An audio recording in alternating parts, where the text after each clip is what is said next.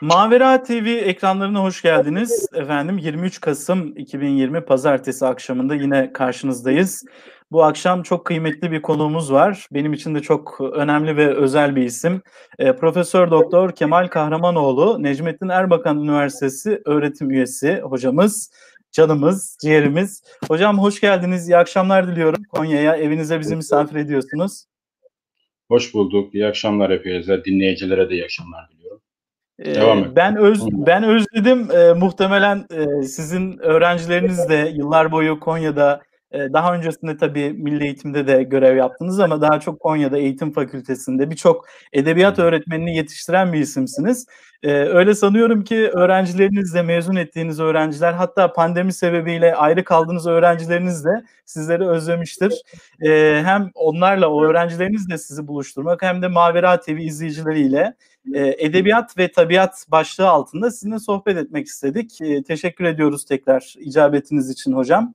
E, bu pandemi sürecinde oradan başlayalım. Gerçi yayın öncesinde de konuştuk. E, bu uzaktan uzağa işler nasıl yürüyor hocam? Bir e, akademisyen olarak, bir hoca olarak isterseniz böyle bir giriş yapabiliriz. Valla alışamadık uzaktan hocam ya yüz yüzeymiş. Ben bir ara Face'te paylaştım dedim ki yani oturmak diz dize güzel, bakışmak göz göze güzel, konuşmak da yüz yüze güzel dedim yani. Şimdi onlar olmayınca ama şöyle diyeceğim yani biraz da böyle mecburuz artık uzaktan eğitim. Herhalde devlet bu işe biraz da şey yapacak, el atacak. Artık eskisi Hı-hı. gibi e, sadece yüzde yüze eğitim değil de bazı dersler özellikle herhalde uzaktan halledecekler. Hı-hı. Ama inşallah alışır mı bilmiyoruz. İnsan her şeye alışıyor. Evet. Ama soğuk Yani soğuk. Soğuk o ruberu eğitimin e, muhabbetin yerini tutmuyor haliyle. Şey vardır bilirsiniz bu İmam Rabbani Hazretleri var meşhur. E, o şey diyor sahabenin e, büyük olmasının esas sebebi diyor peygamberimizle yüz yüze konuşmasıdır diyor. Yani yüz yüze olmak yani araya aracı koymadan yüz yüze olmak her zaman daha avantajlı yani. Onun bir evet. şeyi var. Ee, tabii hocam siz senelerdir e, insan ile meşgul oluyorsunuz. Belki de mesleklerin en zoru e, hocalık. E, ne diyeyim hani sizin de meşhur tabiriniz bir e, ağacı yontmak, bir kütüğü bir ona bir şekil vermek e, o, o bir maharet gerektiriyor ama insana şekil vermek gerçekten zor bir şey. Bu uzaktan uzağa olunca daha da zorlaşıyor sanki. E, şimdi hocam bu akşam belirlediğimiz başlık edebiyat ve tabiat. E, insan bu tabiatın içerisinde kendisini buluyor. Doğuyoruz ve bir e, atmosferin içerisinde bir vasata doğuyoruz. Buna da tabiat diyoruz. Ee, insan bu tabiatla nasıl bir ilişki kuruyor? Ee, siz tabii bir e, divan edebiyatı hocası olarak hem eğitim e, boyutuyla hem de teorisi boyutuyla ilgilenen e, iki tane de güzel e, eseriniz var. E, işte değişen dünyada kaybolan paradigma ve işte divan şiiri, modernliğin gölgesine divan şiiri diye bu konularda gerçekten derinlemesine kafa kafa yoruyorsunuz, ürünler ortaya koyuyorsunuz. İnsanın tabiatla kurduğu ilişki kendi varoluşu açısından nasıl bir öneme sahip ya da nasıl bir ilişki kurmalı kendisini anlayabilmek için? Şimdi şöyle e, konumuz edebiyat ve tabiat olunca e, çok fazla dağıtmadan hani başka boyutlara hı hı.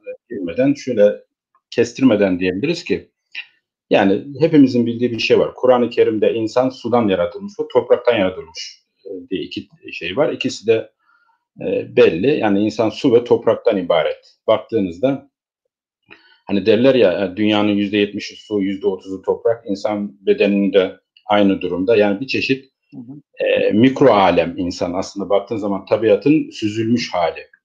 Dolayısıyla hani e, bu dört unsur dediğimiz su, toprak, hava, ateş dediğimiz şey, bu anasır erba denilen şey aslında insanın da özünü oluşturuyor. Yani bu dünyada varoluşumuzun sebebi bu. Başka gezegenlerde hayat olmamasının sebebi bu anlamdaki bir tabiatın olmaması. Dolayısıyla insan aslında şöyle baktığımızda tabiatın bir uzantısı.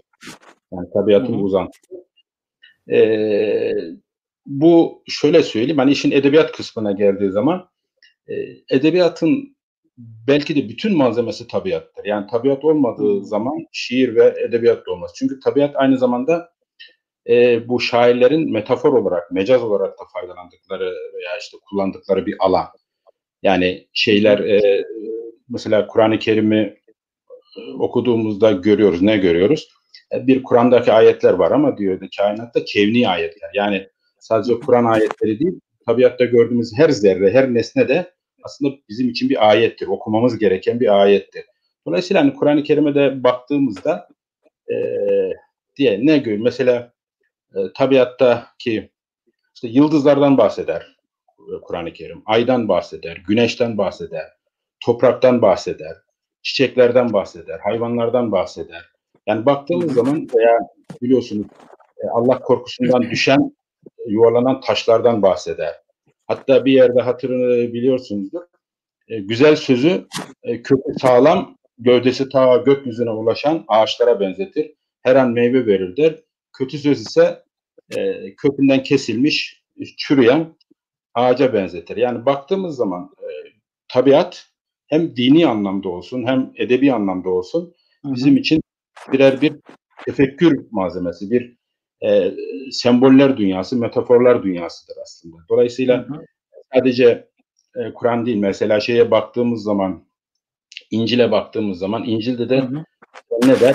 E, niye rızık korkusu çekiyorsunuz diyor. Bildiğimiz İncil, şu tarif edilmiş İncil'de bile diyor ki e, zambaklara bakmıyor musunuz? Onları giydiren kim diyor. Mesela hemen orada bir metafor karşımıza geliyor. Dolayısıyla e, hem hikmi, hikmetli eserlerde, hikemi dediğimiz eserlerde hem normal bizim dünyevi şiir dediğimiz şiirlerde e, karşımıza hep böyle tabiat bir e, zenginlik, bir güzellik malzemesi, deposu olarak duruyor ve bir çeşit okumamız gereken, tefekkür etmemiz gereken bir alan. Dolayısıyla hani bizim belki de bütün muhayyilemizin esas kaynağı şeydir, tabiattır. Tabiatın olmadığı yerde muhayyile de çalışmıyor. Tabii, tabiri caizse.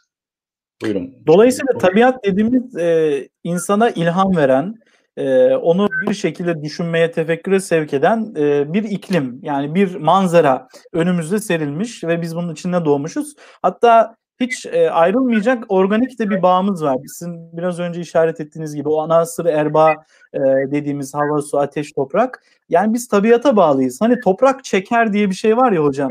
Hani insanı mesela suya bakması, ateşe bakması e, o kendisini alıkoyamaz. E, burada da sanırım e, bizim e, tabiattan ayrılmayan onun bir parçası olmamız sebebiyle bir tarafımız var. Peki e, geleneksel e, işte edebiyatımızda, divan şiirimizde, klasik edebiyatımızda ya da sadece bizim edebiyatımızda değil e, işte geçmişte dünya edebiyatında e, tabiatın bir metafor olarak edebi eserlerde kullanıldığını biliyoruz. Birazcık modern döneme doğru geldiğimiz zaman tabiata bakışımızda bir değişiklik var mı sizce hocam? Edebi Şöyle, ürünlerden de yola çıkarak şöyle diyeyim, esas e, belki birkaç klasik edebiyatımızda tabiat ilişkisinden bahsedip moderne gelmek daha iyi olur tahminim. Hı hı, şöyle tabii. hani Kur'an'da şey der ya, hani biz sizi en güzel kıvamda yarattık ahseni takvim üzerine. Hı hı. Şimdi bizim klasik edebiyatçılar çok e, hani gerçi bu orta çağın da genel e, düşüncesi. Yani insanı anlatırken tabiattan faydalanmışlar. Nasıl? Sanki tabiatın özü insanda gizlenmiş. Mesela işte yüzümüz güneştir. İşte saçımız gecedir. Efendim dudağımız goncadır. İşte gene yüzümüz güldür. Sanki böyle bütün o toprak, bütün tabiat e, ilahi bir şeyle, süzülmeyle süzülüp insan dediğimiz bu varlık ortaya çıkmış. Dolayısıyla insan sanki bir gül bahçesi gibi algılanmış. Yani Hı-hı. gül bahçesi gibi, bir cennet gibi algılanmış. Bütün organlarımız yani bedenimizdeki bütün organlar bir çeşit e, böyle e, metafor olarak kullanılmış. Yani hı hı. tabiat bu anlamda dediğimiz gibi yani bir anlamda böyle şey yani ilah şöyle söyleyeyim ilahi güzelliğin bir yansıması. Bu ilahi güzelliğin yansımasının da en mükemmel kısmı insana aittir. Dolayısıyla gözümüz yıldızdır, yanağımız aydır, yüzümüz güneştir. Anladın mı? Daha onun da ötesinde. Mesela bir takım ilahi sıfatları bile e, izah edebilmek için. Çünkü hani soyut şeyleri e, somutlaştırabilmek için de tabiattan faydalanıyorsunuz. Mesela ilahi sıfatları güneşle anlatabiliyorsunuz. Güneşin yedi rengiyle anlatabiliyorsunuz. Hı hı. Veya meşhurdur siz de bilirsiniz. E, şimdi Peygamber Efendimiz'i anlatacak kim? Fuzuli peygamberimizi anlatacak. Neyle anlatıyor? Suyla anlatıyor. Yani hı. suya ait bütün özellikleri şeye taşıyor peygambere. Hı hı. Veya peygamber peygambere ait olan özelliği suya taşıyor. Çünkü su ne? Bu bir indirgeme değil değil mi hocam? Böyle algılamamak lazım. Mesela işte Peygamber Efendimiz gül şeklinde e, anlatılıyor, evet. sembolize ediliyor. Bu bir indirgeme değil. Sanki burada da bir bazen aşırı yorumlar oluyor bu konuda. Tabii tabii. Şöyle diyeyim yani. Şunu söyleyeyim. Yani e, indirgeme derken şöyle söyleyeyim. Yani Kur'an-ı Kerim'de şey vardır yani müteşabih olanlar vardır efendim. Hı. Muhkem olanlar vardır. Bir de Kur'an-ı Kerim'de işte bir takım e, benzetmeler vardır, teşbihler vardır. Yani bunlar aslında yani kavranılmayacak şeyleri kavrayabilmek için fehme taklit eder eskiler. Yani akla yaklaştırmak için. Yoksa birebir mümkün değil tabii. Yani ama şöyle bir şey var. Şimdi siz mesela şeyi nasıl anlatacaksınız? Yani şimdi Kur'an-ı Kerim'de yağmur anlatırken ne diyor? Biz kuru topraklara diyor yağmuru yağdırırız. İşte o topraktan yeniden diyor bitkiler ortaya çıkar. E, dirilmek de böyledir diyor. Yani dirilmeyi anlatırken Kur'an tabiatta yağmurdan, topraktan ve topraktaki o bitkilerden örnek veriyor. Demek istediğim o yani. Dolayısıyla hani hı hı. insan benzetmeden bir şey üretemiyor ki orta çağda hep benzetme üzerine kurulmuş. Hı hı. Şimdi e, bir de dediğim gibi tabiatta böyle metafizik bir anlam da aranmış. Yani hı hı. görünenin arkasında görünmeyen. Siz de dediniz. Şimdi ben hep şeyi anlatırım bu toplantılarda, sohbetlerde şunu anlatırım. Şimdi gül dediğimiz bir şey var. Gül. Hı hı. Ee, Mevlana Hazretleri benim üstadımdır bilirsiniz hep söyler. Mevlana der ki mesela şimdi sanatkarlar sanatkarlar hep biz e, sembolden faydalanırlar. Yani dış alemde gördükleri bir şeyi metaforlaştırırlar veya benzetirler. E, peki diyor e, gül sembolünü kimden aldı? Yani gül gülün hmm. sembol olması şeyi nedir? Yani bir, bir sanatkar mevcut olan bir şeyden üretiyor. Ama gül dediğimiz şeyin misali, sembolü nereden geliyor? O diyor yokluktan gelir. Allah'ın kurduğu tezgahtan gelir diyor. Dolayısıyla yani yoktan sanatkarane bir şekilde yaratan Allah'tır. Biz sanatkarlar ancak yaratılmış olan bir şey üzerinde tefekkür ederek işte hmm. ancak bir şey kurabiliyoruz. Dolayısıyla yani e, bu meselede dediğim gibi şeye bakarken e, güle bile bakarken gülün işte bazen hani bilirsiniz bazen gül Allah oluyor. Yani ilahi güzelliğin temsilcisi oluyor. Bazen peygamber oluyor. Bazen sevgili oluyor. Vesaire. Dolayısıyla yani tabiata kendi adına değil de Allah adına bakma. Anlatabildim mi? Yani bu anlamda bir sanat adına bakma, güzellik adına bakma oluyor. Ha şu olabilir, bakış tarzları farklıdır. Ee, bir İspartalı bir çiftçi herhalde güle bakarken rekeli düşünür. Yani anlatabildim ama sanatlar e, onun e, gülün dediğim gibi metafizik boyutuyla ilgilenir. E, bir şeyi düşünün mesela demin söylediğim o ayet gibi okumak var ya mesela tabiata ayet gibi okumak. Hep bunu örnek veririm. E, Fuzuli mesela 72 beytlik gül kasidesi yazıyor. Gül Hı-hı. kasidesi. Her beytte gülün başka bir özelliğini anlatıyor. Aslında ona atfedilmiş anlam onlar. Mesela bir yerde hiç unutmam gülün gonca halini şeye benzetiyor. Hazreti Yusuf'un e, Züleyha ile halvet haline benzetiyor.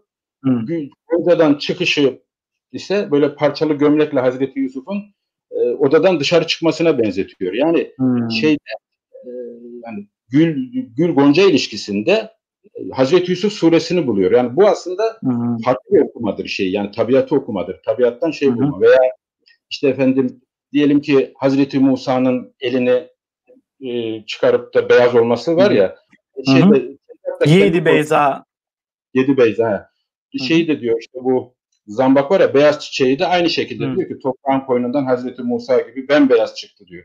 Yani mucizeleri bile anlatırken aslında tabiat bizim için birer model oluyor. Anlatabildim Yani evet. ancak insanlar bir şeyi benzeterek anlamak durumundalar. Yoksa e, öbür türlü şeyimiz çok zor. Hani fehme takrip etmek yani bir takım Hı-hı. soyut şeyleri anlaşılmak, metafizik şeyleri insan zihnine efendim e, yaklaştırmak birebir mümkün değil dediğiniz gibi ama yaklaştırmak ancak bu şekilde e, tabiattan aldığımız örneklerin böyle biraz metafizik anlam yükleyerek e, insana anlatmak. Bu anlamda evet. tabiat bizim için sonsuz bir şey yani malzeme. Evet. Ha şöyle mesela mistik şairlere bak. Mevlana'dan tut işte Yunus'a Denizi çok kullanırlar. Deniz, dalga, köpük. Bunlar hep Hı-hı. şeydir. Faniliği mi anlatacaksınız? Dünyayı mı anlatacaksınız? İşte denizin dalgası bir var bir yok. Hayat da öyledir aslında. Biz de bir deniz, bu varlık alemi deniz gibi düşünürseniz biz denizin birer dalgası gibiyiz. Bir an önce hı hı. çıkıyoruz ve veya Mevlana diyor ki e, varlık denizdir diyor. Dünya denizin köpüğüdür diyor. Yani dünya olan köpük geçicidir biliyorsunuz. Dünya da geçici. Dolayısıyla yani tabiat bizim tefekkür alemimizin e, şeyidir yani anlatabiliyor muyum? Asıl merkezidir. Tabiat olmadan evet. tefekkür olmaz. Buyurun Aslında başka. tabiatta olan e, biten şeyler e, bizim de e, dünyamızda, iç dünyamızda olan bitenlere çok yaklaşık. Dolayısıyla o mesela Yedi Beyza örneğini verdiğiniz zambak çiçeğiyle ilişki kurarak e, buradaki benzetmeler, teşbihler de öyle tesadüfi benzetmeler de değil hocam. Yani mesela divan edebiyatımızda yine e, sizin alanınız e, mesela kullanılan mazmunlar hiçbirisi böyle tesadüfi bulunan şeyler değil e, son derece e, büyük bir tecrübeye dayanıyor e, bu benzetmeler ve insanların zihnine yerleşiyor. Şöyle bir soru çıkarabilirim belki buradan. Mesela bu eserlerin yazıldığı dönemde e, bu eserlerin muhatapları e, bu sembolleri ya da benzetmeleri e, gerçekten anlayabiliyorlar mıydı? Mesela biz bugünden işte e, gerek kendimiz gerekçe, gerekse öğrencilerimiz açısından bunları anlamada ve anlamlandırmada zorluk yaşıyoruz. Yani böyle müteşabih düşünce açısından. O dönemlerde, klasik dönemlerde muhatapları bunu anlayabiliyor muydu acaba? Tabii anlayabiliyorlardı. Çünkü neden? Şimdi asıl oraya geleceğim. Hani siz Hı. modern dönem dediniz ya. Ben şimdi klasik dönemdeki e, insan tabiat ilişkisini anlattım. Hı.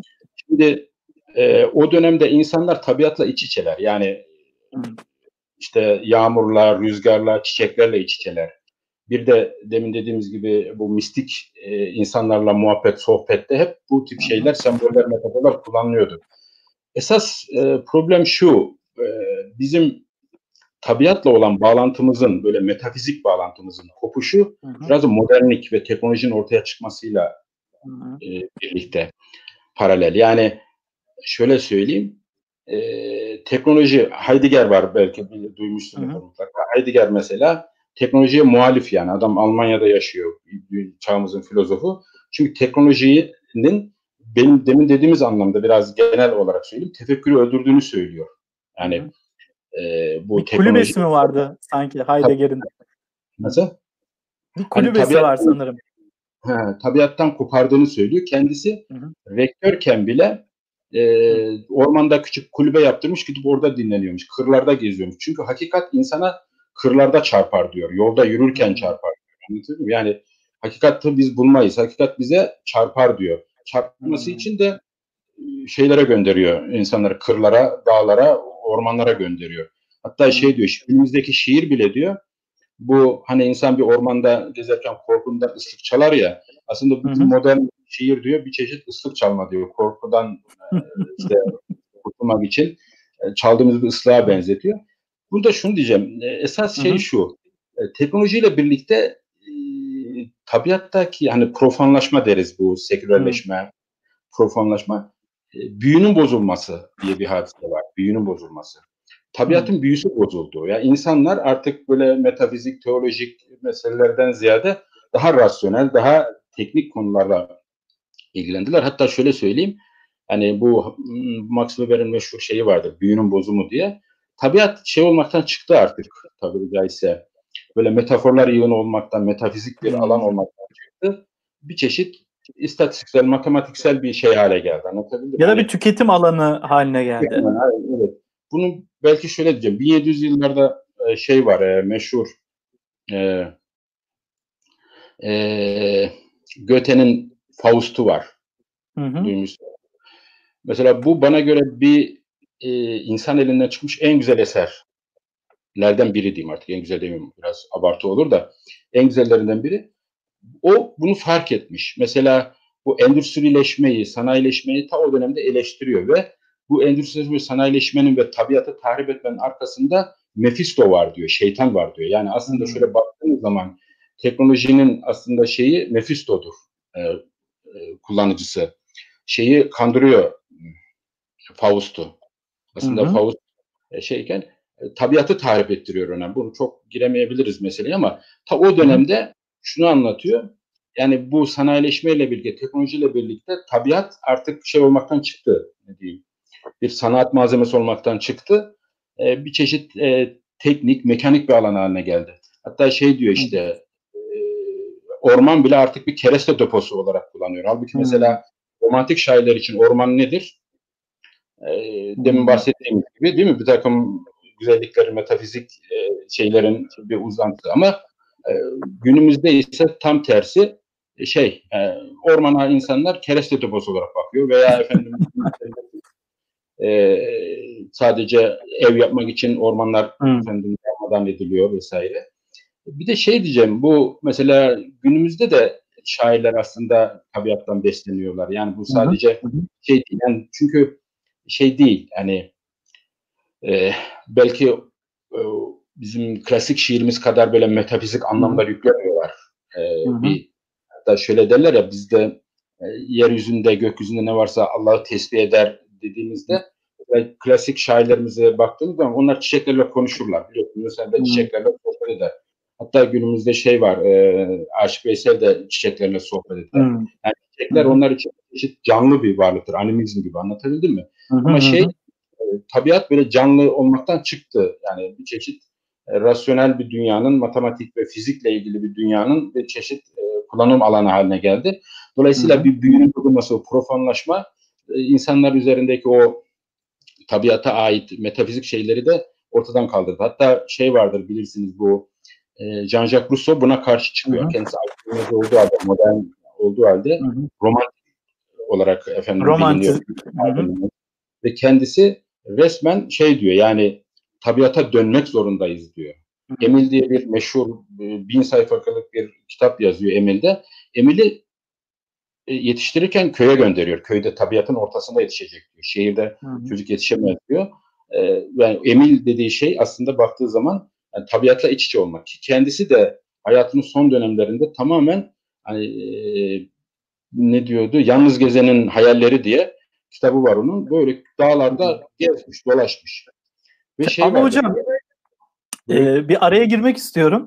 Ee, bazen böyle tabiatta çok haşır neşir olayım ya da tabiatta kendimle yüzleşeyim, kendimi bulayım derken e, biraz da böyle kaybolma durumları da oluyor sanırım. Mesela Mevlana'ya işaret ettiniz. Mesela köy ahmaklaştırır. İşte çok fazla kalırsan seni kendinden geçirir. E, biraz da o e, bir dengeli bir ilişki gerekiyor herhalde. Hani inzivanın da bir e, sınırı mı var ya da bir niteliği mi olması lazım?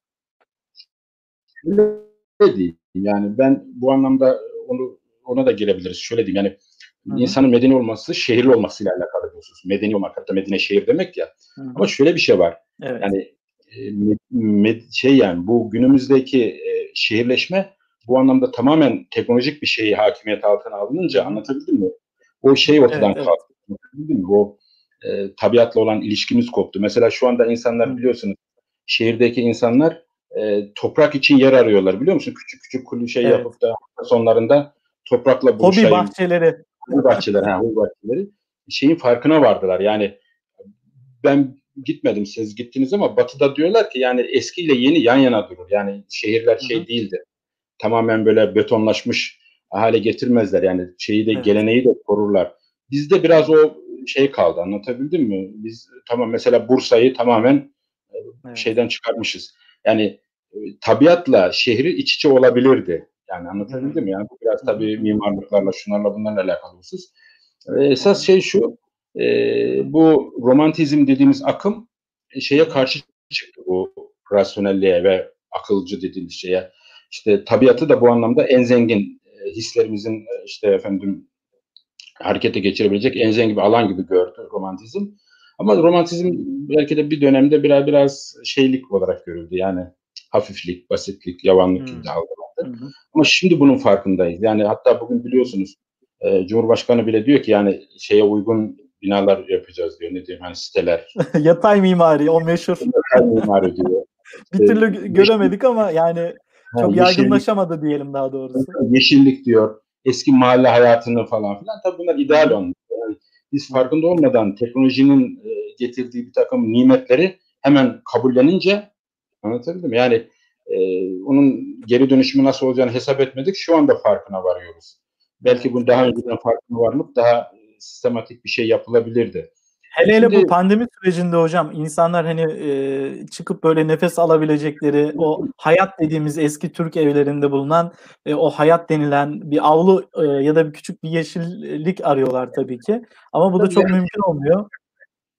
Ya şöyle diyeyim işte yani insanlar şöyle söyleyeyim hani e, dediğiniz doğru mesela hani bakın şehir tamam yani insanı efendim sosyalleştirir, sanat oradadır, bilgi oradadır, şey oradadır ama bir şey daha var. Hangi şehir?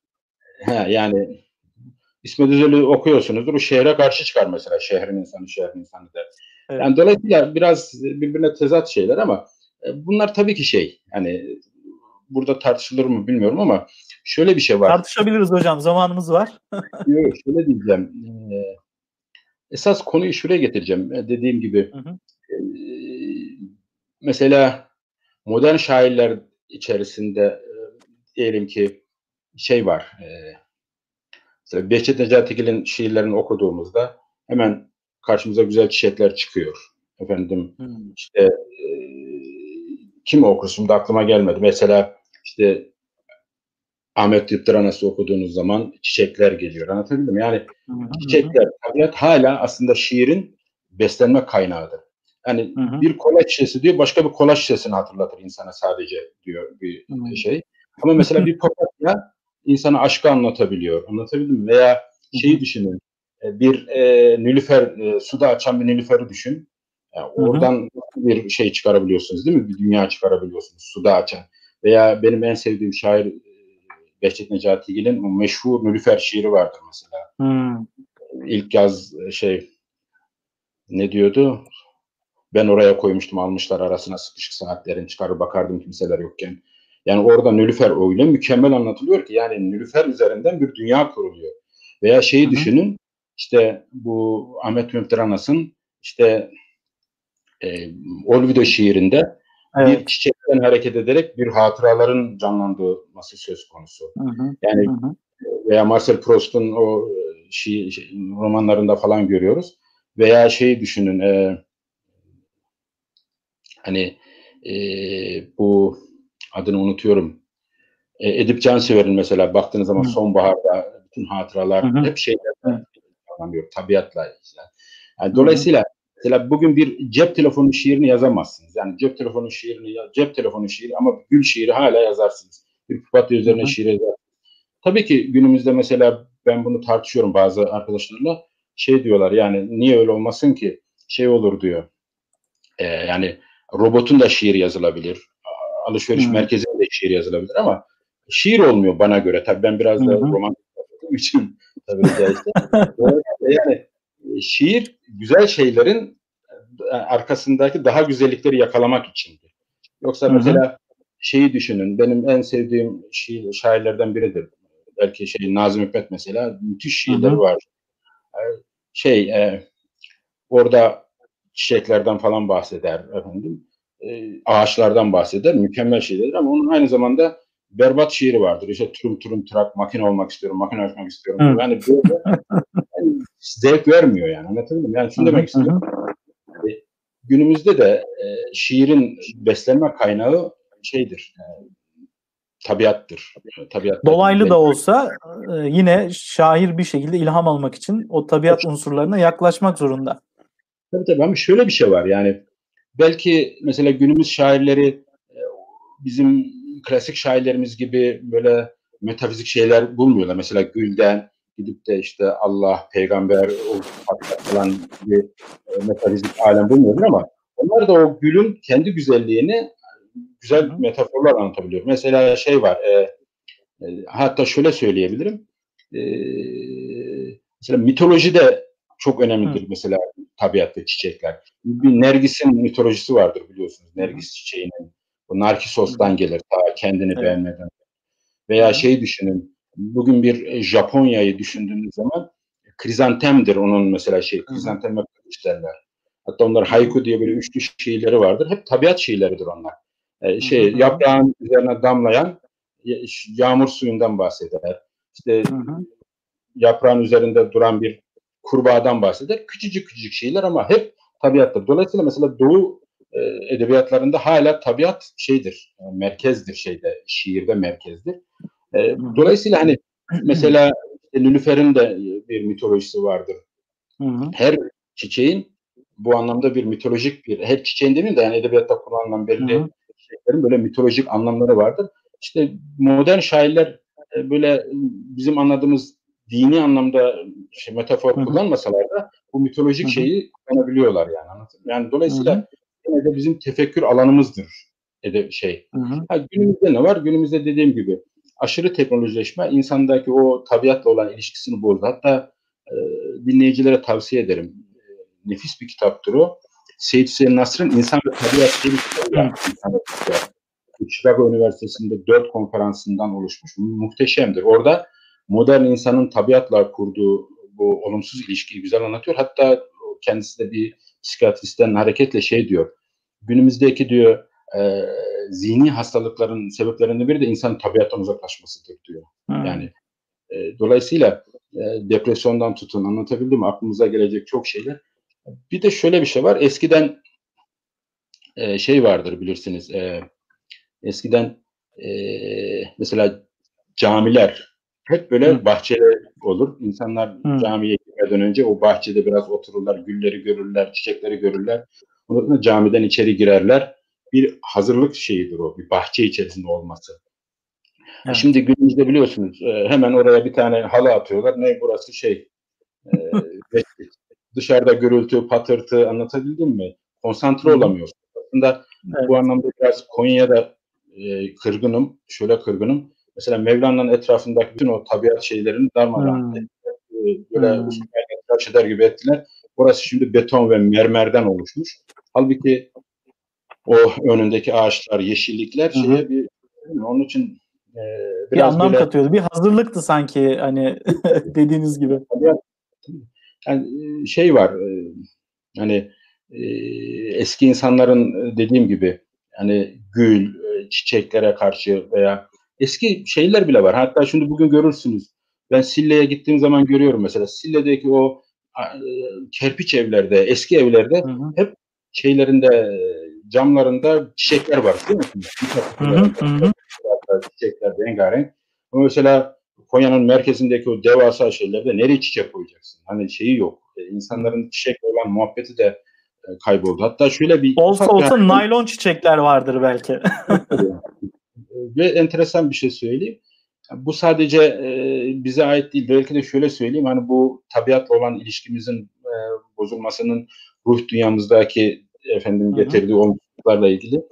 E, bir gün hiç unutmuyorum. Konya'dayım. E, bir otobüs durağında bekliyorum. Otobüs durağının arkasında da çiçekçi var. Çiçek böyle değişik rengarenk çiçekler satıyor. Ben otobüs beklerken arkada baktım iki tane yaşlı bir kadın konuşuyor. Ama kadının bir tanesi o kadar hoşuma gitti ki yani bugünkü şey yoktu tabii. Milattan önce gibi geliyor. Şey yok. Videoda alamıyorsun. Ee, böyle e, kadıncağız çiçekleri anlatıyor. Bu çiçek nazlıdır diyor, bu şudur, bu, bu diyor, arsızdır diyor, bu yani neredeyse bir insan anlatıyor, bir çiçekleri anlatıyor kadın. Anlatabildim yani. Ve ben gelen otobüse binmedim musun? Çaktırmadan otobüs bekliyor numarasıyla onları dinledim. Hı. Kadın o kadar hoşuma gitti ki çiçekleri hakkında yaptığı sohbet. Çünkü Hı-hı. eskiden e, biliyorsunuz evlerimizde hep çiçekler olurdu yani. Şimdiki modern kadınlar bilmiyorum e, bu kadar e, çiçek şeyi var mı efendim. Çünkü şey e, e, tabiatta yavrulaşan çiçekler hakikaten ruh sağlığımız için de bir şeydir. Yani evlerimizde efendim gerekli olandır. E, yani illa bunu şiir olarak kullanmaya Hı-hı. gerek yok. Şey olarak da güzellik olarak da kullanabiliriz. Çünkü tabiat dediğim gibi yani bizim bir çeşit e, sağaltım aracımız. Bir de şey diyecektim, e, bu gene tavsiye ederim şeylere, bu dinleyicilere tavsiye ederim. E, Lale Mürdür'ün Kuzey Defterleri diye nefis bir şiir hmm. kitabı var. Kuzey Defterleri. Lale Kuzey, Mürdür. Ha, Lale Mürdür'ün Kuzey Defterleri e, tek bir şiirdir aslında baştan sona kadar tek bir şiir. Şiirin başlangıcı şudur. E, şair yani Lale Mürdür böyle hafif bir yağmur yağarken pencere önünde küpe çiçekleri var. Hmm. Küpe çiçeklerine dalarak oradan genişliyor. Yani daha sonra tekrar küpe çiçeğine dönüyor. Yani bir küpe çiçeğinin e, çağrışımları üzerine kurulmuş geniş bir şiir ve muhteşem bir şeydir bana göre. Hemen nereden Hı-hı. buluyorsunuz maşallah? Mehmet Kırtorun'dan kaçmaz hocam. evet. Yani burada mesela baktığınız zaman küpe çiçeklerinden hareket ederek yani bir çiçeğin üzerine yoğunlaşarak o çiçeğin kendisine bıraktığı şeyleri e, çağrışımlarla muhteşem bir şiir yazıyor. Bu şu anlama geliyor. Demek ki hala daha günümüzde ne kadar profanlaşsak da, ne kadar rasyonelleşsek de, ne kadar etrafı bir kereste deposu gibi görsek de anlatabildim mi? Hı hı. Ee, ne kadar efendim böyle duygudan arınmış gibi algılasak da hani veya ne kadar AVM dediğimiz bu tüketim katedrallerinde vakit geçirsek de ve orada zihnimiz e, felce uğrasa da belli bir zamanda şuurumuzun bir kenarında hala tabiat ve çiçek ve güzellik şeyde duruyor yani. Aslında hükmünü devam sanat, ettiriyor. Sanatkarlar onu harekete geçirecek işte aslında. Hı-hı. Sanatkarlar hı hı. Hocam tam sanatkarlar demişken mesela Sait Faik e, öykülerini yazarken işte genelde denizlerden, balıklardan ama sadece balık deyip geçmiyor. Ee, o, o balıkların türleri var değil mi? Onlarca yüzlerce balık türü var. Yine çiçekleri işaret ettiniz. Yani e, işte nülüfer çiçeğinden, nergisten bahsettiniz. İşte sümbülü var, manolyası var, lilyumu var, leyla var. Yani çiçek deyip de geçmemek gerekiyor. Bunları da herhalde e, hatırlatmak yine e, yazarların, şairlerin vazifesi olsa gerek. Şey ya, bu şöyle bir şey. Mesela e, Van Gogh bilirsiniz Van bu. Hı hı. Ee, sonbahar ressamıdır. Ee, bu kendi başına, tek başına parasız, pulsuz dağlara çıkıyor. Burada bir terk edilmiş kulübe buluyor. Aylarca orada aç, susuz yaşıyor. Teknik var. Sonbahar e, şeyleri çizmek, resimleri. Buğday başaklarını çizmek. Güneşin efendim buğday başakları üzerindeki renkini anlatmak. Yani adamın başka bir dünyası yok ve e, şey e, aç susuz yani anlatabildim mi? Tabiat Hı-hı. sevgisi böyle aslında baktığın zaman. E, şey değil yani ne diyeyim. E, ha dışarıdan baktığınız zaman anormallik gibi gelebilir ama yani bu güzellik karşısında insanın böyle bir e, şeyi e, duygulanması bana göre çok normal. Yani şey değil. Ne diyeyim bir delilik gerçi sinir krizleri geçirip kulağını falan kesiyor ayrı bir şey ama bugün e, Van Gogh'un o sonbahar tablolarından üç tanesi bizde olsa belki de Türkiye'nin borçlarını öderiz yani. Buradan evet. ne diyecektim? Hiç e, unutmadığım bir şey vardır yalnız. E, şimdi Van Gogh'un bir sonbahar tablosuna işte iki katrilyon, üç trilyon para veriyorlar ya. Hı hı. E, aslında André Gide diyor ki André Gide'in güzel bir sözü var e, şu Parislere şaşırıyorum diyor. Bir diyor sonbahar tablosunun sergisini gezmek için diyor, resim sergisini gezmek için para veriyorlar diyor. Ama diyor Allah'ın bedava sergisini hiç gezmiyorlar diyor. Yani aslında baktığınız zaman yani şu sonbahar mevsimindeyiz hele İstanbul'da şimdi o Büyükada değil mi? Orada aslında evet. Allah'ın bedava sergisi var ama e, millet hiç meraklı değil. Çünkü şöyle bir şey var. Yani Van Gogh'un tablosu aslında şeyin bir taklididir. Tabiatın bir taklididir. Tabiat neyin taklidi? Öyle bir o taklit değil. O Allah'ın yaratıcılık sıfatından direkt hiçbir şeyden model alınmadan hani gülün modeli yoktur aslında anlatabildim mi? Gül hiçbir şey. Gülün modeli ilahidir. Ama insan o ilahi olanı değil de biraz da böyle işte insani olana daha fazla şey yapıyor ne diyeyim. Hı hı. E, merak Sanat para biraz da böyle su, suni olan ya hocam hani yapay biraz evet, da insanın o kabiliyetlerini izlemek istiyor belki e, insanlar. Yani o da güzel de o da güzel de Hı-hı. benim dediğim şey işte yani e, insanlar neden e, Allah'ın servisini gezmezler? Mesela bazen Hı-hı. hafta sonu bir çık de ki nereye gidiyorsun? Allah'ın resim sergisi var, fotoğraf sergisi var. ne gezeceğim diye anlatabildim. Oradan bir de beyninde güzel şiirler de varsa Hı hı. Bu şiirlerle beraber işte Ahmet Haşim'den işte Behçet Yahya Kemal'den Yahya Kemal'den sonbahar şiirlerinden gezip hı hı. yani biraz estetik hayat dediğimiz şey de bu yani anlatabildim mi? Estetik hı hı. dünya dediğimiz şey. Bize, yoksa e, şey değil yani hayat çok günümüzde çok mekanikleşti aslında. Yani evet. e, çok fazla şey. Her şey laf arasında her şey akıllı piyasada. Hiç hmm. duygusal olan yok yani. Mesela akıllı ev, akıllı telefon, akıllı araba, akıllı akıllı. Ama Hı-hı. mesela bunların hiçbirinde duygu yok. Yani duygusal Hı-hı. olan bir taraf var. Yani dolayısıyla e, insan sadece e, akıldan, rasyoneliteden ibaret bir varlık değil. Yani insan içerisinde Hı-hı. işte kalp var, sevgi var, güzellik duygusu var. Bunların Hı-hı. da tatmin edilmesi veya işte efendim beslenmesi gerekiyor. Sanat bu anlamda e, bunu besler. Sanatın da beslenme kaynağı tekrar dediğim gibi dış alemdeki Hı-hı. bu muhteşem güzelliklerdir aslında. Hı-hı. Yoksa mesela insan, buyur. Ee, siz hocam e, Konya'da o Meram e, yeni yolda daha çok e, Meram bağlarının eski gerçi kalmadı orada da ama e, oralarda yürüyüşler yapıyorsunuz. Mesela sonbaharda işte Sille'de ya da böyle Konya'da gerçi Konya'da çok da fazla değil ama hani yeşil alan. E, bu manada siz yürüyüş yapmak mesela tabiat e, içerisinde yürümek mesela bir metafor olarak da e, sizde nasıl bir karşılığı var? Yürürken insan düşünebilir mi? İlla durup mu düşünmek lazım? Yürürken düşünme konusunda ne düşünüyorsunuz? Eskiden meşayiler varmış biliyorsunuz. Aristo'dan e, kalma. Bunlar dersleri dışarıda ve yürüyerek yaparlarmış. Onun için meşi hmm. yürümek demek meşayileri yürüyerek yapmak. Ben de mesela şey yapardım hiç unutmuyorum.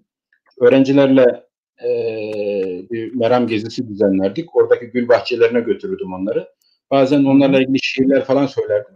Aradan 10 yıl geçmiş öğrencilerin geri dönüşlerinde hocam çok şey unuttuk ama onları asla unutmadık diyorlar. Yani da bir ara böyle biraz da fantezi olsun diye şey yaptım. Bir hani şey vardır meşhur e, Turgut Uyar'ın Göğe Bakma Durağı artık hmm. ne kadar düştü ama e, şimdi orada şair birdenbire şunu dedi. Yani ya insanlar yani bir patırtı bütürdüğü içerisindesiniz ama bir göğe bakın yani gökyüzü diye bir şey var.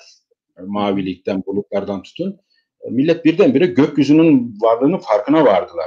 Göğe bakma durağı diye. Hep otobüs duraklarında vakit geçirmeyin. Bir de göğe bakma durağında efendim oturun diye. ben de bu Konya'nın böyle 10 kilometre dışarısında bir göğe bakma durağı şey yapmıştım, keşfetmiştim. O meşhur ak yokuş mu hocam? Yok, e, Seydişehir yoluna doğru. Öğrenciler oraya götürüp böyle e, tabii 5-6 kişi önce götürebiliyorduk. Arabamız biraz küçüktü. Yani öğrenciler şu anda hala da onu şey yaparlar, e, hatırlarlar yani. Hani e, çünkü şey e, e, Edip Cansever diyor gökyüzü çocukluk gibidir. Hiçbir yere gitmez diyor. Yani hmm. baktığınız zaman e, dolayısıyla yani şunu diyeceğim yani bu yeni nesle de aslında belki hı siz daha müsaitsiniz mesela Tokat'ta hani bu, hı ya bu çocukları şöyle alıp bazen tabiata çıkarmak lazım. Yani hı toprağa dokundurmak lazım çiçekleri, evet. böcekleri görmek lazım. Yani çocuklar mesela şu demin Said Faik'ten dediniz de Said Faik biri demiş ben hikaye yazıyorum demiş. E, birkaç balık ismi sormuş. Bilemeyince demiş balık adlarını bilmeyen hikaye yazamaz demiş. Hı hı, yani hı. Çiçek adlarını bilmiyorlar, e, balıkları bilmiyorlar, tabiattan haberleri yok, ellerinde bir cep telefonu anlatabildim. Her şeyi o mekanik bir halinde. Dolayısıyla belki bir şey yani anlatabildim bir, bir hafta sonları şöyle böyle çocukları Eskiden izcilik falan vardı herhalde bildiğim kadarıyla ama şu anda evet, yok. Evet.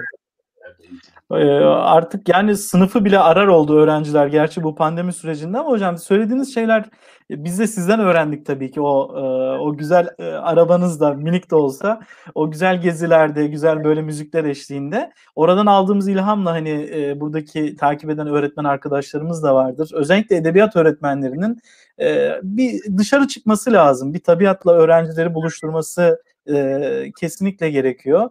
E, neticede hani dört duvar arasında e, nihayetinde öğrenciler de sıkılıyor e, ve ilham alacakları. Çünkü hani tabiata çıktığınız zaman gördüğünüz bir çiçeğin kimde nasıl bir duygu uyandıracağı, neyi harekete geçireceğini de kestiremiyorsunuz. E, bence mesela büyük yazarların, sizin işaret ettiğiniz gibi e, ressamların hikayelerinde de böyle yüzleşmeler, o çarpılmalar, Heidegger'e işaret ettiniz. Böyle hikayeler vardır muhakkak.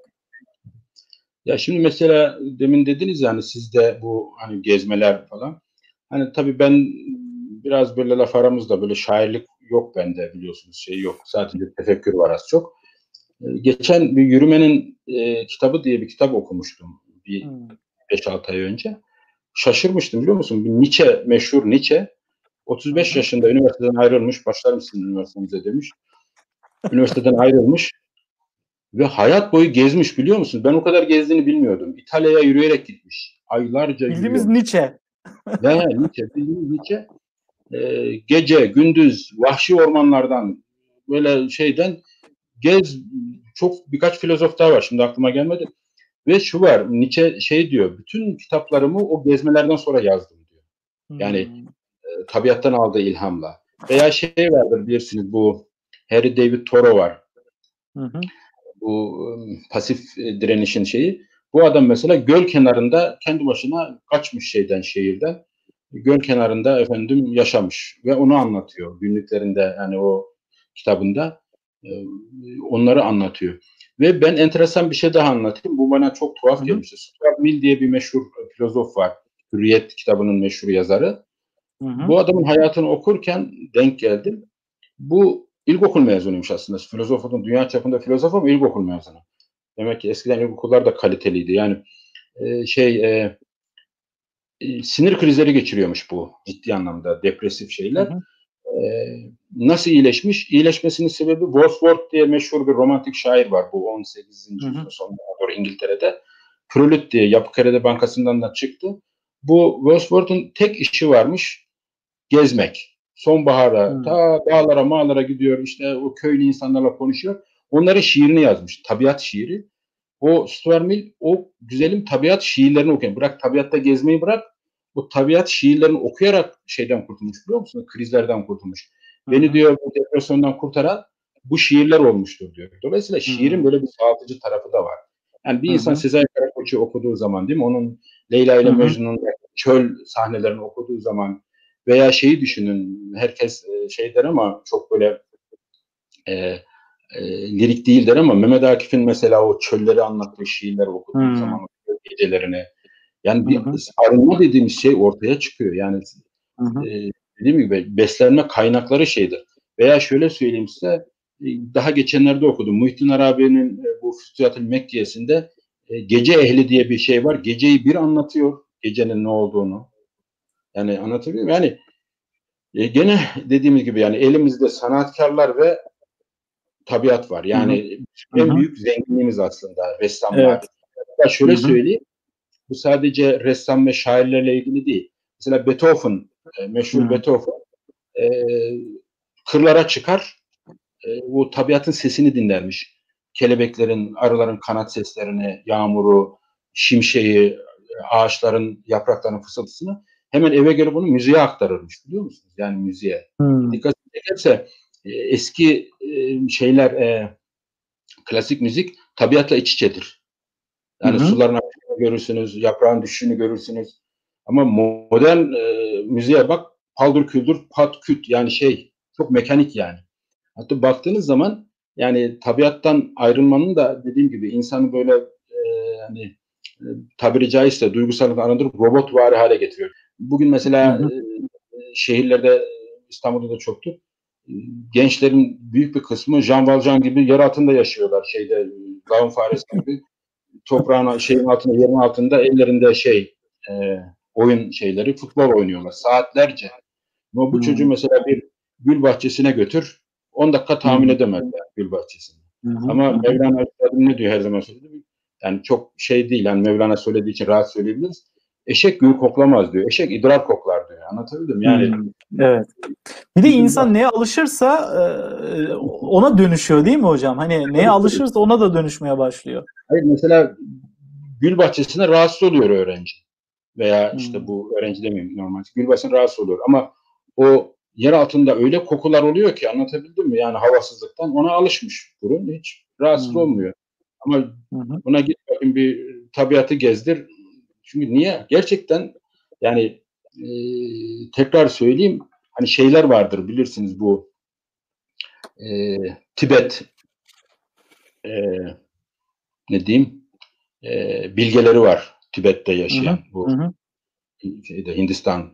Gidin hep bunlar tabiatla iç içedirler biliyor musunuz? Yani hı hı. bunların ben bazı böyle günlüklerini falan okudum. Adamların tek şeyleri var.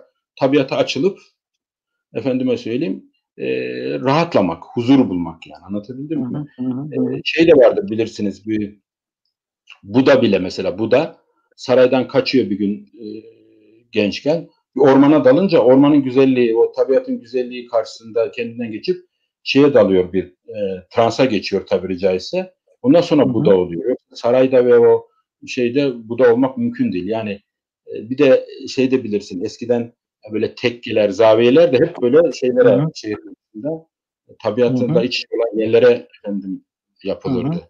Ha Hı-hı. şunu diyeceğim yani. Şöyle mi diyeceğiz yani? Şehirden kaçalım dediniz yani dediniz, şehre köye mi sığınalım? Aynı Mevlana Hazretleri dediğiniz gibi köyde bir hafta kalan altı ay aklı başına gelmez diyor. Ben de öyleyim mesela. Ama mesele şu. Yani çok klasik, böyle klişe bir şey olacak da. Yani teknolojinin nimetlerinden faydalanmak gerekmez. Teknolojiyi de insanı tamamen tabiattan koparıp böyle robot var, biyo, şey, sadece biyolojik bir varlık gibi efendim sadece sinirden ibaret, akıldan, rasyonelden ibaret, kalbi olmayan bir tür gibi efendim şey yapmak zor. Yani daha doğrusu zor değil de kötü. Yoksa hı hı. şey yok. Yani insan e, mesela eski klasik e, şehirlerimiz bence öyleydi. Yani Tanpınar okuduğumuz hı hı. zaman Bursa'yı okuduğunuz zaman Bursa çınar ağaçlarının gölgesinde değil mi? Yani o muhteşem hı hı. çınar ağaçlarının gölgesinde bir şehir olarak da var. Anlatabildim Yani bunu becermemiz lazım. Gerçi şu anda son dönemlerde hani böyle parklar yapılıyor efendim işte bahçeler yapılıyor işte ağaçlar dikiliyor şu bu yapılıyor ama e, bir taraftan da bakıyorsun ormanlar yakılıyor sadece şey için biliyorsunuz bir takım rant için kocaman hı hı. Şey, e, dolayısıyla hani e, tabiatsız kalmak e, tab bir de bizim fıtrat demektir aslında yani hı hı. Fıtrat demektir. Yani insanın fıtratının bir karşılığıdır tabiat. Yani insanın evet. fıtratı bozulur. Yani şey tabiat bozulduğunda insanın fıtratı da bozuluyor. Eskilerin şöyle bir güzel tabiri var hocam. Variyattan önce tabiat gerek. Yani e, varlıktan öte insanda bir tabiat gerek. Aslında insanın tabiatı e, kavramına da biraz e, geçebiliriz. E, siz biraz önce bahsettiniz. Yani geleneksel e, hayatta, e, klasik dönemde e, insanların biraz daha böyle tabiatla doğrudan temas kurabildikleri dönemlerde e, insanların e, bir şekilde hemhal oldukları, e, sohbet edebildikleri, hasbihal edebildikleri ortamlar da mevcuttu. E, mesela insanın e, terbiyesinde, o gönül terbiyesinde günümüzde çokça yakındığımız o ruhi bunalımlardan kurtulmak için edebiyatın burada nasıl bir e, rolü olabilir? Yani bu çok açıkta kalan bir soru olabilir. Günümüzde mesela gençler siz edebiyat öğretmenlerini yetiştiren bir hoca olarak ya nasıl temaslar kurabiliriz? Nasıl işte divan şiirindeki o e, tabiat unsurlarını onlara anlatabiliriz, gösterebiliriz. O tadı, o balı nasıl ağızlarına çalabiliriz hocam? Tekrar o güzel tavsiyelerinizi almak isteriz. Vallahi şunu söyleyeyim. Yani e, şöyle diyeceğim. Mesela sizin dönemle bu dönemin şöyle bir farkı var. Şöyle anlatayım. Yeni dönem öğrenciler teknolojiyle beraber doğuyorlar. Anlatabildim Yani hmm. teknoloji onların uzantısı gibi, bir organları gibi. Mesela biz öyle değildik. Yani teknoloji bizim bir basit bir şeydi, bir aracıydı. Şu anda teknolojiyle beraber doğuyorlar ve çok zor biliyor musunuz? Artık bu çocuklara bu anlamda bir şey yapmak, e, dediğiniz anlamda bir e, sanat zevki vermek çok zor. Yani e, mesela ben sizin dönemdeki öğrencileri hatırlıyorum. Onları ben Sille'ye götürürdüm. Sille'deki o tabiatı, efendim o eski evleri, o harabeleri, o köprüleri efendim bir estetik malzeme olarak görüyorlardı yani anlatayım bir estetik hı hı. E, olarak algılıyorlardı. Hatta bir daha gidelim hocam fotoğraf çekelim falan diyorlardı. Yeni nesil niye buraya geldik diyor. Ne var burada benim köyle aynı diyor. Burada eski evler var diyor. Yani o şeyi e, fark edemiyorlar. Anlatabildim mi? Hani o yeni şeyi daha fazla seviyorlar. Teknolojik olanı, efendim e, modern olanı daha fazla seviyorlar. O klasik olanı, e, harabe olanı, eski olanı çok fazla şey yapam. Orada bir ben onlara şöyle diyorum. E, yani bir Japonlar, Koreliler Konya'ya geldikleri zaman nereleri geziyorlar? Nereleri görmek istiyorlar? Hiç AVM'leri gezeni gördün mü veya herhangi bir değil mi? Yani modern yerlere hemen gidiyorlar. O şeyleri klasik eski tarihi e, eserleri tarihi eserleri görmeye gidiyorlar. Aslında şöyle söyleyeyim e, bizim klasik eserlerimiz de aynı öyledir. Yani bugün hmm. isteyen kabul eder, isteyen kabul eder. Bugün hala Yunus Emre olsun, bir Mevlana olsun, bir Hacı Bektaş Veli olsun. Yani bu insanların e, biliyorsun UNESCO'da bunlar şey haline geldi ne diyeyim ne diyor UNESCO'nun kültürel mirası haline geldi. Yani e, niye? Çünkü bunlarda insanlık var. Bunlarda güzellik var. Bunlarda tabiat var. Bunlarda metafizik var.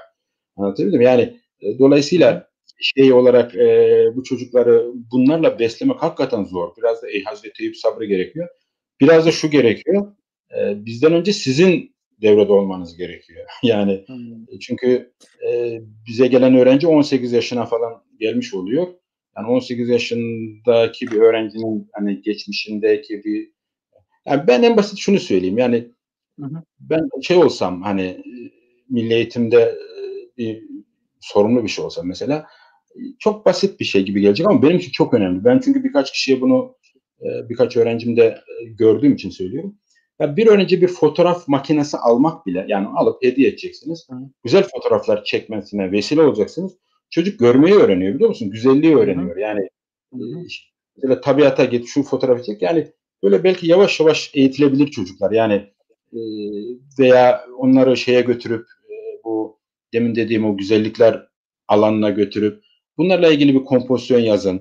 İşte bunun fotoğrafını çekin veya şunu anlatın tarzında belki biraz şey gibi gelecek ama ya bu tarz şeylere ihtiyaç var. Ee, küçük Hı-hı. dokunuşlara ihtiyaç, küçük fırçalara ihtiyaç var. Hı-hı. Belki e, hemen şey alınamaz. Onun için şey derim ben hep. E, Hilmi Ziya Ülken'in e, eğitim felsefesiyle ilgili bir kitabında şey der. Ektiğini en geç biçen çiftçi öğretmendir der. Biz Hı-hı. aslında böyle bir öğretmen olarak hemen sonuç almak istiyoruz biliyor musun? Ama evet. bir bak 10 yıl sonra geri dönüyorlar bazen biliyor musun? Mesela bazı öğrenciler vardır ya hocam anca sizi yeni anlamaya başladık diyenler var. Hocam hocam şöyle sonradan sonradan açılma meselesi var ya hocam. yani yarın da öğretmen yarın da öğretmenler günü aslında. Ee, hocam evet. e, bu hani eğitim felsefesi, eğitim meselesi gerçekten e, çokça üzerinde konuşulan e, ama bir türlü böyle bir kıvamı henüz tutturulamamış. E, ya da tutuyordur ama çok sonra neticelerini görebileceğimiz bir e, alan gerçekten sabır isteyen sizin de işaret ettiğiniz gibi. Ya şimdi bak şey var ya bu Eflatun, ha, Platon Devlet diye kitap yazmış. Gerçi şairleri kovuyor devletinden ama e, mesela o diyor ki çocuklara ilk önce verilecek ders şeydir diyor. Resim ve şeydir, bedendir diyor biliyor musun? Yani e, çünkü diyor biri ruhu besler, diğeri diyor bedeni besler falan. Çünkü yani şunu diyeceğim mesela bizim günümüzde e, biz çok fazla şey olduk biliyor musun? Pragmatist olduk. Yani çocuklara mesela sosyal anlamında yani ya bu çocuğa niye resim yaptıralım? Bu çocuğa niye müzikle meşgul edelim? Bu çocuğa niye spor? Yani o çocuğun estetik dünyasını, duygu dünyasını geliştirecek olan şeyler e, sanki böyle anlamsız, gereksiz vakit kaybı gibi algılanıyor. Halbuki değil işte. Yani ondan sonra çocuklar otistik oldu.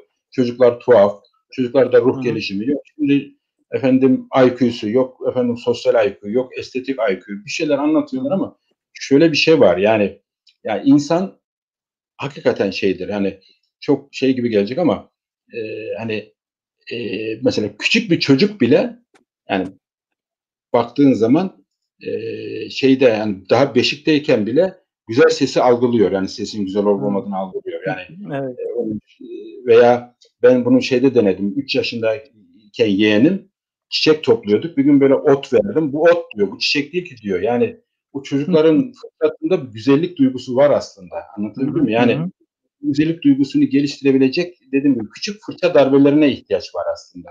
Hı Biz öğretmen olarak bazen e, işte bıkıyoruz, sabredemiyoruz falan filan ama e, yani çocukta kulak eğitimi, müzikle beraber verilecek kulak eğitimi, resim eğitimi, hı hı. şiir, güzellik, tabiat. Yani belki de Hazreti Eyüp sabrıyla bunları yapmak lazım. Aksi takdirde evet. emin olun Hele şu anda uzaktan eğitimden sonra da hemen de tahminim yani bir nesil ziyan olacak gibi geliyor bana. Sadece böyle ellerinde tuşlarla anlatabildim mi? Hmm. Evet, zaten ya. yakındığımız bir şeydi ama mecbur kaldık şimdi. Sizin e, derslerinizde hocam e, biraz önce söylediniz ya o küçük e, dokunuşlar lazım. Mevlana'dan bir hikaye e, aktarmıştınız. O da şöyleydi. İnsan e, böyle bir yayın içine konulmuş e, şey gibidir. E, süt gibidir. Onu mahir bir el ancak usulüyle sallarsa e, posasıyla özünü ayırt edebilir. Sanırım öğretmenliğin de e, buradaki e, şeyi bu. Yani o mahir el olabilme, usulüyle onu sallayabilme. Bazen biz o topuzu fazla kaçırabiliyoruz. Hani eğiteceğiz diye. e, dediğiniz gibi. Ama işte şöyle bir şey var. Yani bizim bir çok iyi bir e, müzik öğretmeni var arkadaş. Daha doğrusu arkadaşın hanımı müzik öğretmeni. O şey diyordu. Hocam diyor çok zengin bir e, muhitte işte öğrenciler hani babaları çok zengin olan işte bir öğrenci şeyim var benim. Onlara dedim ki işte babalarınıza söyleyin şu enstrümanları alsınlar ben size öğreteyim dedim. Veliler şikayete gelmişler bizim çocuğumuzu çalgıcı mı yapacaksınız falan diye. Yani Hı-hı. Gerçekten şu son dönemlerde ruh eğitimi dediğimiz şey. Yani bunun içine e, edebiyat, kültür, sanat, din hepsi girer yani. Anlatabildim mi? Müzik. Ya şimdi Hı-hı. laf aramızda yani e, şimdi bakıyorsunuz çocuklar e, şey halkın arasında e, bu ilahi adına dinlenenler ne kadar şey e, hı hı. bana öyle geliyor veya hı hı. öyledir diyeyim. Yani bir Mustafa Itri'yi mesela tanımıyor çocuk veya işte hı. bu klasik efendim bu ilahi dediğimiz e, yani işin içinde gerçek sanat olan ilahileri değil. Dangur dungur bu şey gibi rap gibi şeylerle çocuklar besleniyorlar. Hı hı. Yani o estetiği de dediğim gibi ta küçük yaştan biraz da böyle şeyle e, sabırla vermek gerekiyor. E, ama e, bizim acelemiz var. Birdenbire çocuğumuz şunu olacak, şunu olacak, bunu olacak. Sonra da bakıyoruz çocuğumuz e, dediğimiz gibi şey e, hani duygusal anlamda biraz şeye kalabiliyor. Ha şöyle söyleyeyim. E, yani bir çocuklar ben şuna inanıyorum. Yani ister fen dersleri alsınlar, isterse işte efendim matematikti, fendi şu bu olsunlar ama mutlaka çocukların iyi bir sanat eğitiminden geçmesi gerekiyor. Yani bu hı hı. E, ihmal edilmeyecek bir şeydir. Çünkü hı hı. insan aslında baktığınız zaman e, yani e, zaten kendisi de sanatkarane bir varlık. Yani Allah'ın en büyük sanatı, en güzel sanatı. Hı. Ama bu sanatın e, işte e, şey için e, beslenmesi için yani bizim işte sanatkarlara ihtiyacımız olduğu gibi bu sanatkarları öğrenciye anlat, anlatacak kaliteli öğretmenlere de ihtiyacımız var. Yani öğretmenler e, yeri geldiği zaman öğrenciyle sohbet edecek, onlarla şiir okuyacak. Hatta şunu söyleyeyim ben size, e, ben e, böyle öğrencilerime şiir yazardım biliyor musunuz? Onlar doğum günlerine, şunlara bunlara. Onlar bile o kadar etkili oluyor ki çocukların ruh dünyasında. Evet, evet. Yani evet kesinlikle. Yani, hocam benim için şiir yazmış, hocam şu şu şu şu. Bakıyorum diyorum ki yani çocukların o ruh dünyasına bir küçük bir şey bile, dokunuş bile onlarda bir sağaltım oluştururuyor yani. Bunlara bile ihtiyacımız var. Bunları bile küçük görmek lazım. Çünkü enteresan e, Behçet Necatigil de aynısını yaparmış. Hatta evet. Yapıyorum kitabı çıktı. Bir sohbet meclisinde diyor bir arkadaşına şiir yazarmış, şunu yazarmış. Hani artık böyle duygu şeylerimizi de devreye sokmamız lazım. Sadece evet. böyle mekanik, makina e, insanlar değiliz yani. Duygusal insanlarız. Psikolojimiz var. Buyurun. Behçet e, Necati Gil'den söz açtınız hocam. Malum Kabataş Erkek Lisesi'nde uzun yıllar öğretmenlik yapıyor. E, önceki hükümetlerden birisinde Hikmet Sami Türk öğrencisi. Ya tabii çok farklı bir e, bölüm okuyor. Edebiyat okumuyorlar. Yurt dışına gidiyorlar. O öğrencileriyle mektuplaşmaları var. E, Hikmet Sami Türk e, o mektupları yayınlamıştı. O kadar özen gösteriyor ki öğrenciler mezun olmuşlar, gitmişler. Ama onlara sürekli yaptığı bir tavsiye şu e, neyle uğraşırsanız uğraşın e, muhakkak edebiyatla, sanatla sizin de işaret ettiğiniz gibi onlarla bağınızı asla koparmayın. Elinizin e, altında sürekli bir kalem olsun, bir şeyler karalayın, bir günlük yazın. E, gerçekten hani Behçet Necatigil gibi ince ruhların dokunduğu öğrencilerde farklı oluyor tabii ki. Bilmiyorum artık hani bizim gibi öğretmenler e, nasıl neticeler ortaya çıkaracak onu da zaman gösterecek tabii. Ya şimdi şöyle Buket Uzuner var ben çok okumadım ama bir röportajını okumuştum. O şey diyor yani beni yazar yapan ilkokul öğretmenim diyor. Aslında kendisi biyolog, genetik biyoloji mi ne öyle bir genetik mi? İlkokul öğretmenim diyor bana yazı yazdırırdı, şiir yazdırırdı, şunu yazdırırdı. Ben de diyor o şey daha sonra ortaya çıktı diyor. Anlatabildim Hani bazı yani çok erken dokunmak lazım. Yani anlatabildim bazı şeyleri erkenden dokunmak lazım. Yani e, belki potansiyel olarak var ama işte çıkması için e, evet. zaman gerektiriyor. E, belki şöyle söyleyeyim, e, hani e, günümüzde dedim ya hani böyle edebiyat, e, hatta felsefe, şu gibi şeyler, dersler çok fazla günlük hayatta pratik bir karşılığı olmayınca e, insanların çok fazla meşgul olmadıkları bir şey haline geliyor. Halbuki şunu söyleyeyim, Batı'da ben çok şey gördüm. Yani şöyle söyleyeyim, Mesela bir Bernard Russell var, e, meşhur Bernard Russell. Bu adam aslında şeydir, felsefecidir ve çok rasyonalisttir. Hatta agnostiktir yani ne diyeyim artık Türkçesini şimdi bulamam. Bilinemezci falan diyorlar da. Ya bu insan sırf matematikçi. Dünyanın en büyük matematikçilerinden biri. Bunun hikayeleri var biliyor musunuz? Ben aldım. Yani hikaye yazmış.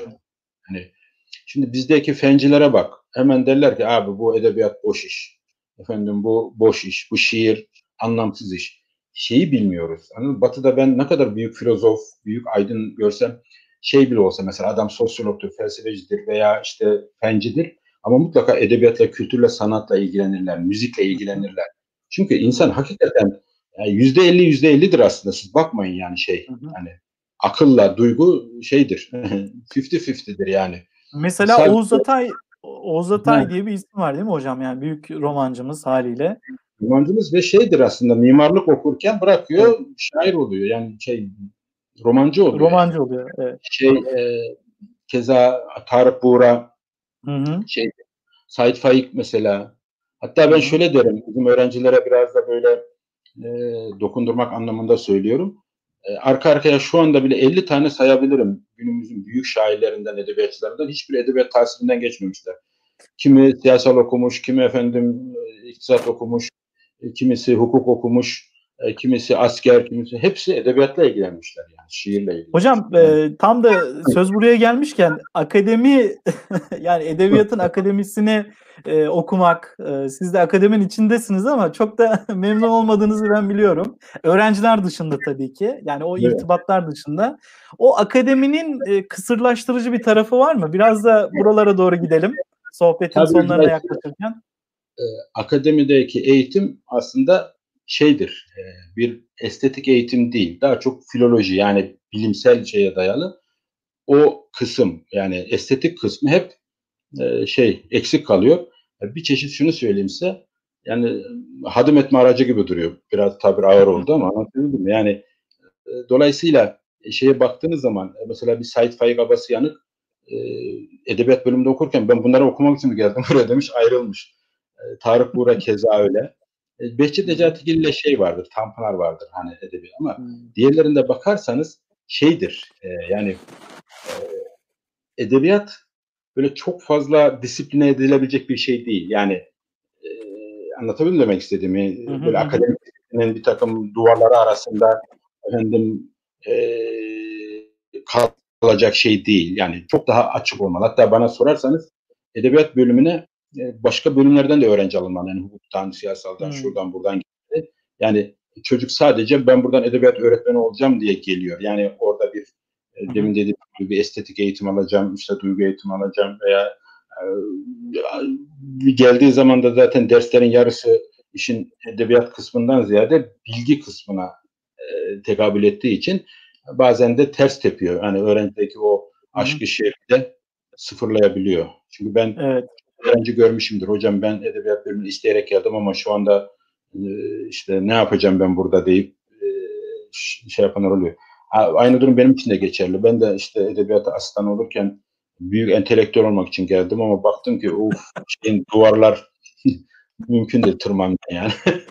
yani edebiyatın e, yolu formal bir yol değil. Yani e, biraz böyle patika yollar olması lazım. E, başka ruh hallerini yaşamanız lazım. Akademinin o tek düzeliği biraz kısırlaştırıyor sizin de ifadelerinizden anladığıma göre. Şey var. Ben hep bunu demiştim de biraz itiraz etmişlerdi.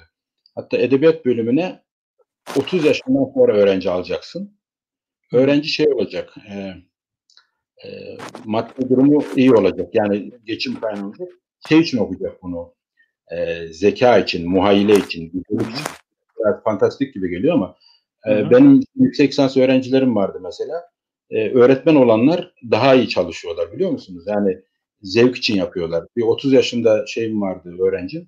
Çok iyiydi yani anlatabildim mi? Böyle. Hı hı. Öbürleri hep böyle bir gelecek kaygısı. Bu ne, şu ne diye olunca o hı hı. yani biraz da hani felsefe olsun, estetik olsun tabiri caizse e, yani gelecek kaygısı çok fazla taşıdığınız zaman bunlar şey yapmıyor. Ha eskiden böyle değildi. Yani büyük edebiyatçılara bakın hepsinin bir gelecek kaygısı ve dert sıkıntıları çok ama onlar hayatının Hı-hı. merkezine koymuşlar bir şeyi. Yani onunla yaşıyorlar. Bizde ise ne aile ne çevre. Şimdi biliyorsunuz bazı öğrenciler şey diyorlar hocam işte otobüste giderken hangi bölümde okuyorsun? Edebiyat bölümünde. Vah yavrum başka bölüm bulamadın mı diye üzülüyorlar evet. diyor. Anladın mı? Yani evet. şey kaçtı. E, o tılsım büyü dediniz ya hocam hani e, o ruhunun ruhun kaçması, büyünün kaçması. E, o ruhu tekrar geri çağırabilmek e, bilmiyorum akademinin harcı mı ama e, sanırım şairlerin, sanatçıların o içindeki cevheri e, fark etmiş e, kimselerin e, vereceği ürünler ve onların verdiği ilhamlarla mümkün. E, tabii edebiyat öğretmenlerinin de bu eserlerle, bu isimlerle öğrencilerini buluşturması, e, bunun yolu da biraz işte tabiatla yürüyerek, sohbet ederek, sizin e, öğrencilerinize ayırdığınız gibi o zamanı ayırarak e, herhalde bununla mümkün hocam. İş zor e, sanırım. Belki şöyle diyebiliriz.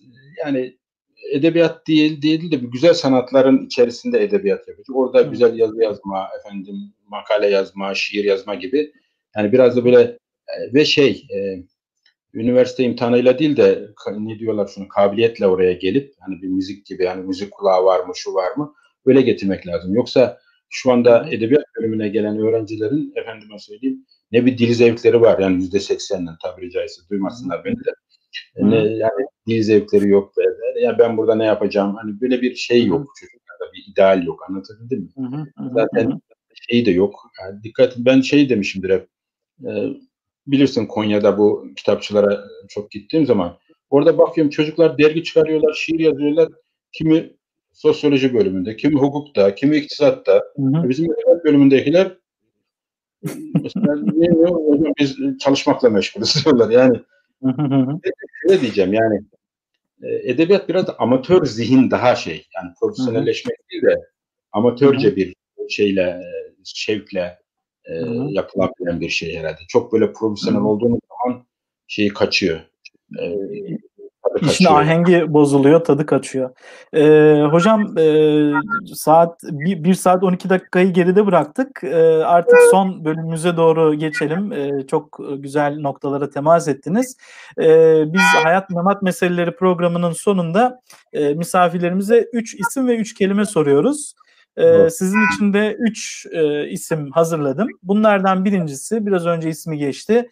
E, büyük Türk şairlerinden Yahya Kemal Beyatlı. E, sizde neler çağrıştırıyor? Kısa cümlelerle rica edelim. Yahya Kemal bende bir Osmanlı'yı çağrıştırır. İkincisi de kendi gök kubbemizi çağrıştırır. Diye. Evet. e, rahmet olsun.